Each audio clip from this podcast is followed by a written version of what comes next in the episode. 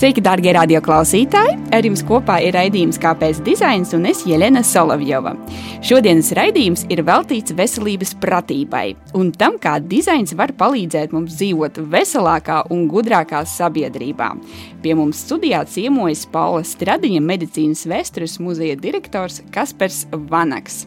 Sveika, sveika, Iļana. Kas par varbūt tad ievadam dažos vārdos pastāstu par sevi, pavisam īsi. Ui, mūsdienās jau šausmīgi grūti īsi pastāstīt, jo mēs jau visi esam multifrēnas personības, tā sakot, bet uh, man ir uh, mākslas vēsturnieku un muzeologa izglītība. Es esmu studējis uh, Berlīnē un Londonā, un tā pirmā mūža mīlestība pret metropolēm ir Berlīna, kur man joprojām ir mīļākā pilsēta. Tagad otrais iet uz rīņķi.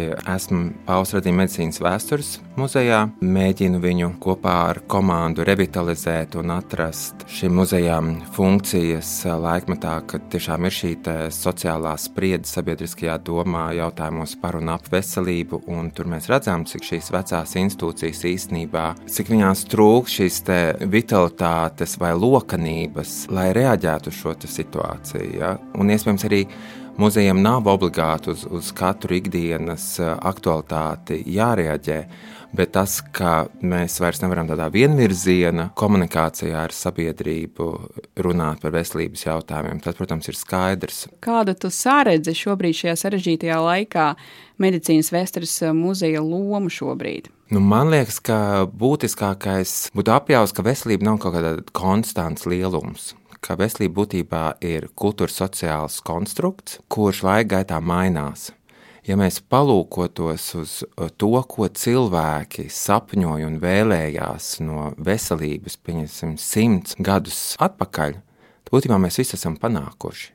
Mums jau ir jaunas prasības un jaunas vēlmes. Ja? Tas ir tāds, nu, no vienas puses, šī mūžīgā gribēšana cilvēka raksturā, un Otra lieta, ka tiešām nu, veselība ir nepārtraukti mainīgs lielums, kurš šobrīd ļoti bieži arī tiek interpretēts kā spēja pielāgoties apkārtējiem apstākļiem vai tam, kas ir noticis ar tavu ķermeni. Un šī pielāgošanās spēja, protams, laikā, kad ir šīs vidas katastrofas, kad mainās uh, gada laiku ritmi pilnīgi citādāk nekā mēs esam uz bioritmos pieraduši. Nozīmē, ka mums nepārtraukti mēs būtībā atveseļojamies, un pēc katras atveseļošanās tā sapratne par to, kas ir veselība, ir citādāk nekā iepriekš. To jau mēs arī redzam šobrīd pie Covid pandēmijas, ja, ka ar katru nākamo soli mēs apjaušam kaut ko citu un jaunu. Un tur tas vecais sekstiskais teiciens, ka pēc kara visas bābas gudras, ja, šeit laikam ļoti konkrēti parāda, ja, ka tas, ko mēs zinājām varbūt pat mēnesi atpakaļ, šobrīd atkal jāpārskata. Un tāpēc muzejam, kas runā par veselību vai medicīnas vēsturi, arī ir jāsaprot, no kuras perspektīvas viņš vispār runā. Ir interesanti, ka mēs redzam pielāgošanos putniem, piemēram, aug garāki knābji, jo tā ir termoregulācijas sistēmai būtisks orgāns. Koraļu rifi izvēlās citas uh, mikrobiomas, ar kuriem sadarboties, lai viņi varētu siltākās ūdens temperatūrās turpināt funkcionēt. Un kas ir interesantākais, piemēram, ka Stanfordas Universitāte nesen arī ir konstatējusi, ka cilvēka ķermeņa temperatūra ir kritusies. Jā. 19. gadsimta vidū uh, Wunderlichs, nomērot kaut kādus 25,000 leipzigiešu, secināja, ka vidējā temperatūra ir 37, termometrā tā sarkanais punktiņš. Mm -hmm. ja? Bet mēs tā kā vienmēr zinām, ka mums ir 36,6. Ja? Un tad uzskatīja, ka tas Wunderlichs ir kaut kā nu, nepareizi mērījis.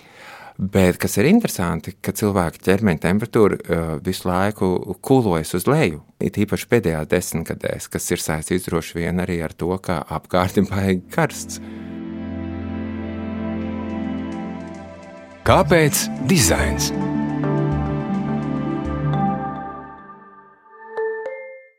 Atgriezīšos mazliet atpakaļ pie tā dizaina, jo Jā. domājot par to, ar ko tad mēs varētu sākt mūsu sarunu, es patiesībā atcerējos nelielu epizodi dažus gadus atpakaļ Latvijas dizaina gada balvas pasākumā vienā no autorei stāstīja par Alvera Alto projektēto paimjo sanatorijas krēslu, izceļot autora nolūku un funkcionalitāti un to, ka arhitekts projektējot specifiski ir fokusējies uz to, lai lietotājiem ir vieglāk elpot.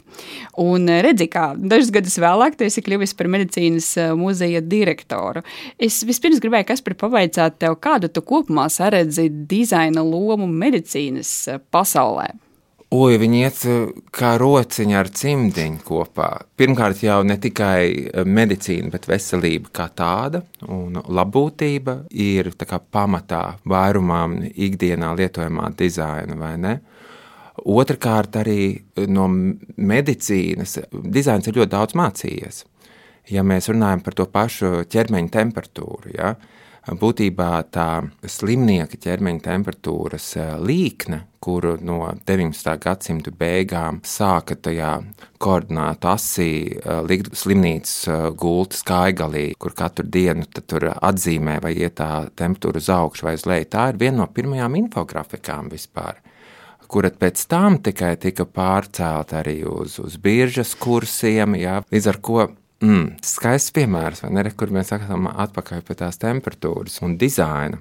Otra lieta man pieminētā paimjo sanatorija. Būtībā tuberkulozes sanatorijas vai rūpes par tuberkulozes slimniekiem pirms antibiotikām, pirms vakcīnām bija bāzētas uz to, lai šis slimnieks vienkārši labi jūtās. Un šī labbūtība, kā rūpju un, un ziedēšanas centrs, tiek pārmantots, manuprāt, dizainā. Mēs šobrīd vēlamies vienkārši labi justies. Līdz ar to ir šis uzskats, ka tieši tuberkulozes sanatoriju arhitektūra ir ļoti iespaidojusi vispār to, kā mēs redzam savu dzīves telpu. Vai tas būtu krāsu gammas, vai būtu šis paimjo krēsls, ja tā ir kopdarbības. Izcelsim arī Aino sievu, respektīvi Aivaru Alto, kuri gadiem sekoja līdzi tuberkulozes slimnieks, kādas pozas viņš ieņem, kurās viņš jūtās ērtāk kā viņi izvēlējās eh, sanatorijas griestu krāsu, lai tā, tā būtu maiga sūnu zaļa, tāpēc, ka tu daudz laika pavadi gultā un, un raugies uz griestiem, un ja viņi ir balti vai, vai koši, tev nokurst acis, ko mēs zinām no katras nelaimīgas viesnīcas guļamistabas, cik ārkārtīgi traucē, ja gaismas ķermenis ir istabas vidū pie griestiem, jo tad viņš ir tavā redzes lokā, kad tu esi gultā, un autopārs, tāpēc gaismas ķermeņus nolika tuvāk pie sienām, uz griestiem, ja, bet uh, lai viņš nav tajā redzeslokā. Un kas ir pats skaistākais piemērs, katra palātiņa bija diviem cilvēkiem. Tā ir tomēr tuberkulozes sanatorija un šie sanitāri higieniskie apstākļi ir ļoti būtiski. Katram slimniekam bija sava izlietne šajā istabā, bet lai tas otrs slimnieks vēl nepamostos, kad, kad pirmais jau mazgā mutīti, bija dizainējis tādu izlietni, kurā nešļakstās lai nav troksnis, lai nepamodina to blakus uh, istabas biedru. Viss šis mazās, mazās nianses, tie ir mūsdienās lielie logi, Tie ir balkoni, tās ir nodalītas telpas, kuras tā pašā laikā tu vari savienot, lai būtu vairāk gaisa, svaiga. Tas tas, ko mēs šodien arī runājam par, par skolas telpām, par ventilācijas sistēmām. Liekas ārkārtīgi simpātiski tas, kā tu formulē dizaina nozīmi un šī iejūtība, domas par lietotāju.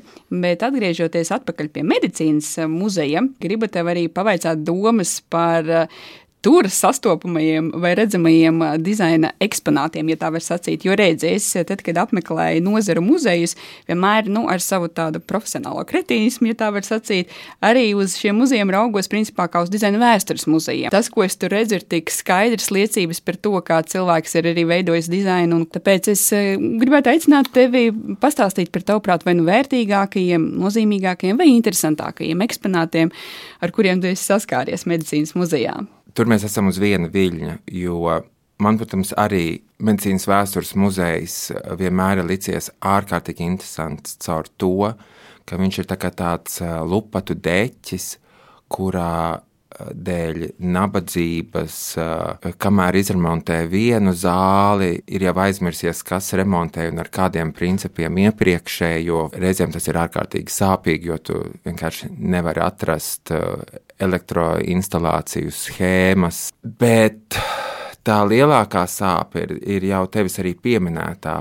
Labs dizains ļoti bieži tomēr iet roku rokā ar rocību. Un tām muzejām ir bijuši labāki laiki, ir bijuši sliktāki laiki, un daudzas lietas, kuras mēs uzskatītu par nu, teju ikoniskām, kā pieņemsim, diezgan pabaisā viduslaiku pilsēta, jā, kur katrs bērns ir dabūjis to pieredzes zīmogu, kur viņš nes visu turpmāko dzīvi, mūsu abus divus ieskaitot, noteikti kā tos mēra slimniekus tajos maisos laiž no otrā stāva lejā uz pirmo. Tas viss ir taisīts no ļoti lētiem, prastiem materiāliem. Tas ir papmašē.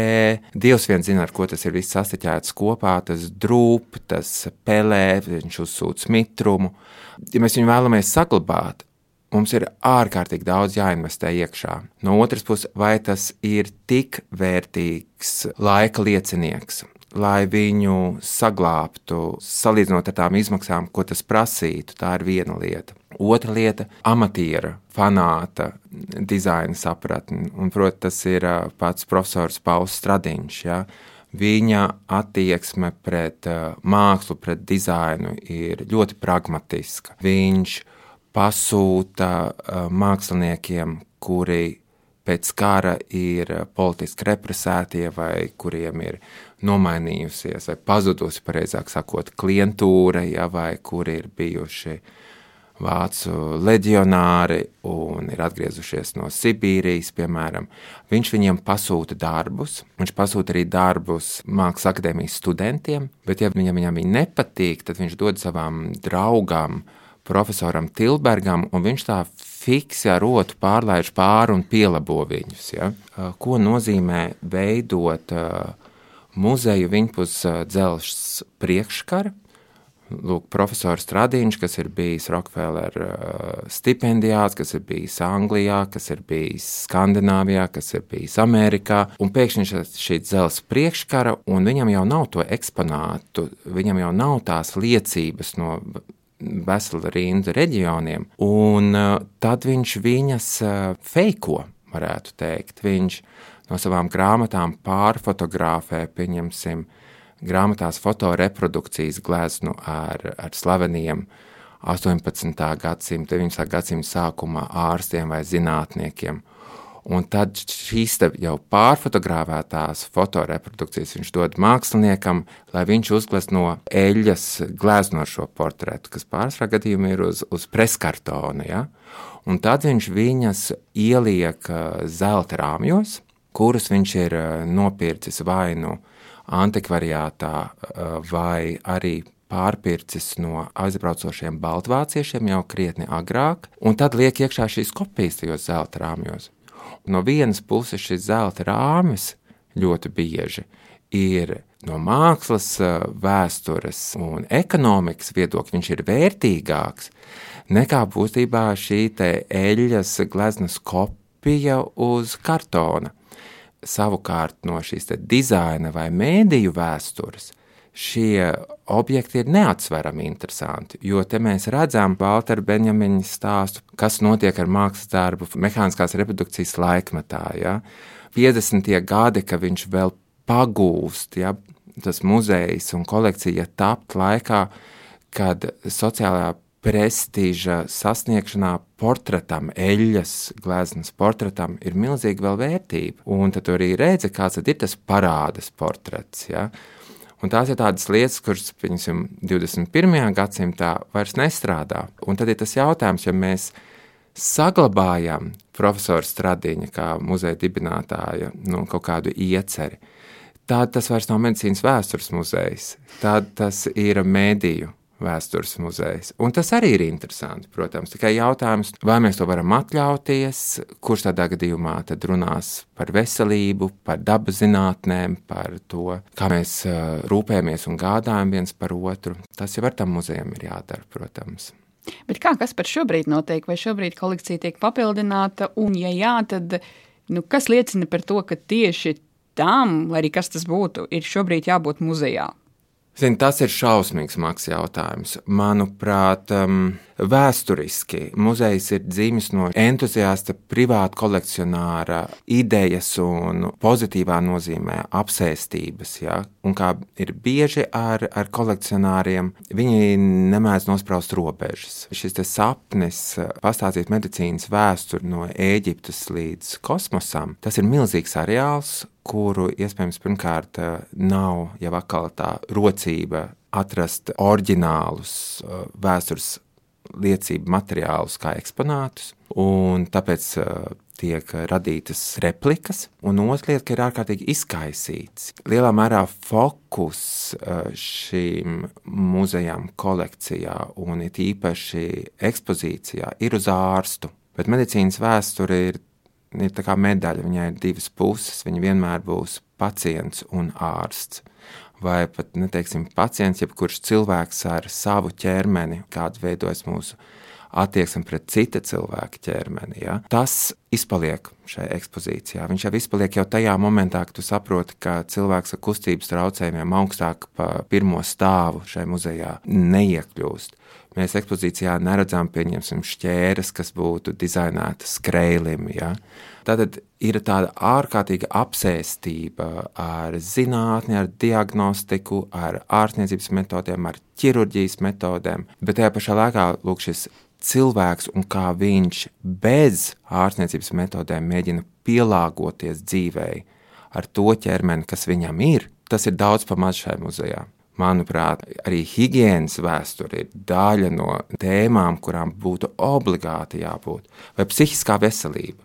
Mums ir viena vitrīna, kurā ir trako krekls, un vēl kaut kāda baisa josta ar ķēdi, lai tu varētu pie sienas pieķedēt. Līdzeks ir viena 19. Eh, gadsimta gleznas kopija ar trako nāmu 18. gadsimta Londonā. Un kopijas autore ir gleznotāja Stradiņa, kas ir profesora Stradiņa meita, kur izdarīja pašnāvību, par ko mēs arī nerunājam. Šie skeleti, skati, šīs aizliegtās tēmas, mēs esam joprojām tajos 50, 60 gados, kad šis muzejs tika dibināts. Un jā, tajā gadā arī Gagārins brauca kosmosā un Černuška, kas ir vitrīnā pāris nedēļas pirms viņa ja, lidoja. Bet te uz zemes ieziņa, te visi vēl pa vecam.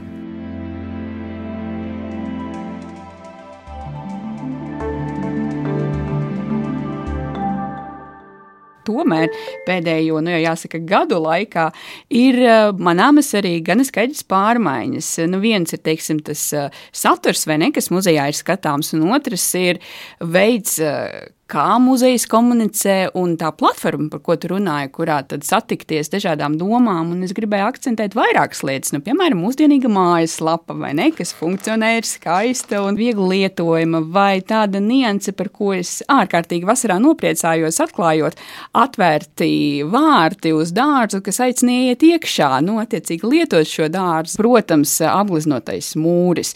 Par šodienu un par nākotni, par iecerēm un um, nu, tādu arī praktiskām lietām no dizaina puses, kas ir tas, kas ir iecerēts eh, uzlabojumu virzienā.